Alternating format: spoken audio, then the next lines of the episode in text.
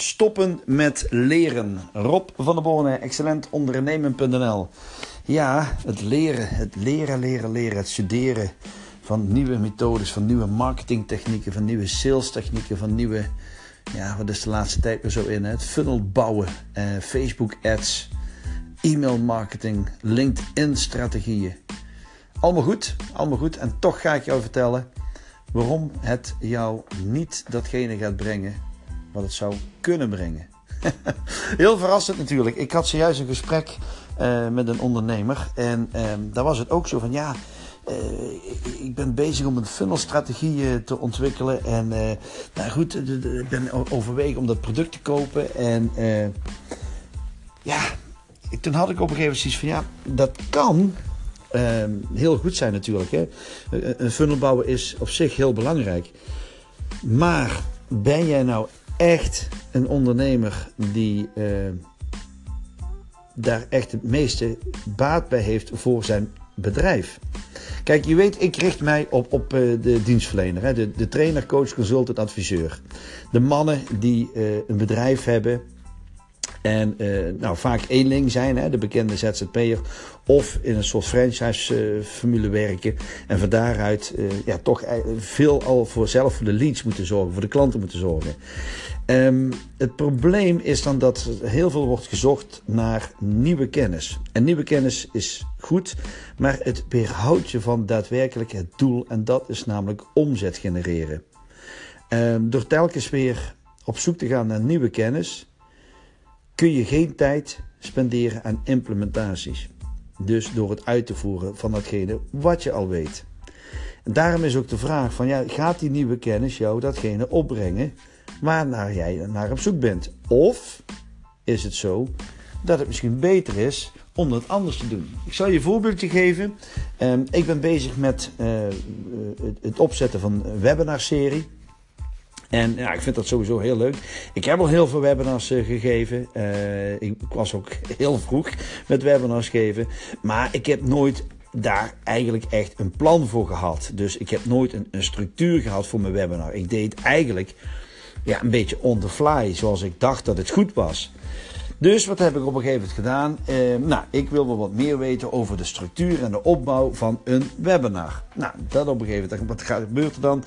Je komt op online een keer iemand tegen die zegt: Nou, ik kan je daarmee helpen. Ik heb hier een online product. Vervolgens koop je dat online product en ga je daarmee aan de slag. Uh, er zijn wat boeken over mensen die daarin gespecialiseerd zijn, die echt miljoenen hebben verdiend door, uh, door te verkopen met webinars. Die, nou, dat is interessant, dus dat hij dan wat over webinars vertelt.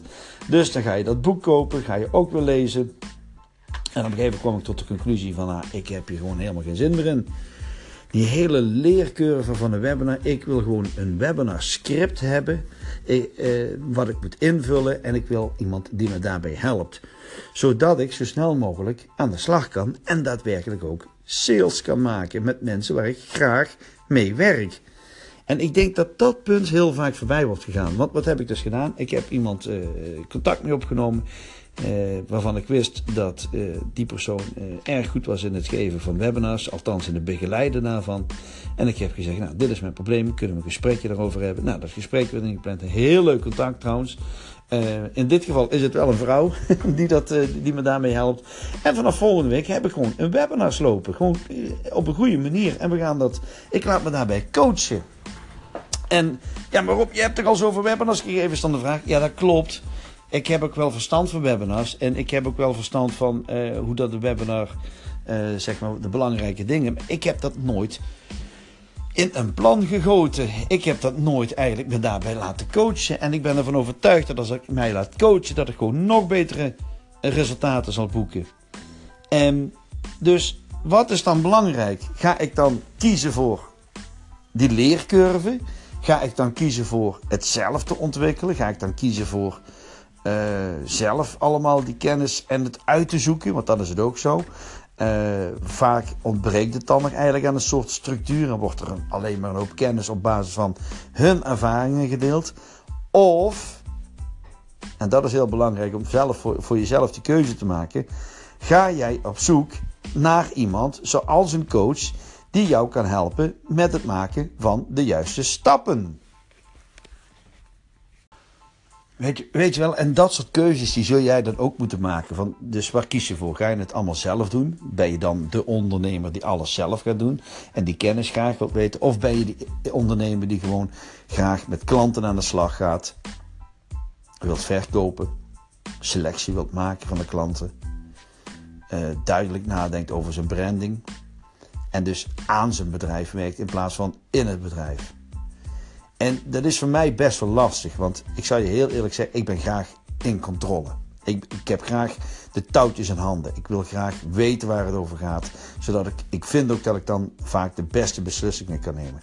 En ik zal je één ding zeggen. Het heeft mijn hele visie veranderd. Want die coaching die ik dus eh, nu heb gedaan, die is gewoon hartstikke goed. Er wordt gewoon heel veel waarde wordt er geleverd. En ik merk gewoon aan mezelf dat ik zo blij ben met die beslissing. Ja, natuurlijk heeft het me ook geld gekost. Ja, natuurlijk heb ik ook geïnvesteerd. Maar ik maak nu veel sneller sprongen. En in de meeste gevallen is het ook zo dat het niet alleen maar over webinars gaat. Hè. Het gaat dus over veel meer. Want voordat je dat webinar gaat vullen, zul je dus ook op een gegeven moment een Facebook-ad bijvoorbeeld moeten draaien. Nou, daar heb ik ook voor gezegd. Dat ga ik uitbesteden. Ik ga dat niet meer zelf doen. Ik weet wel iets ervan af. Maar laten we eerlijk wezen. Op het moment dat je een half uur niet oplet bij Facebook.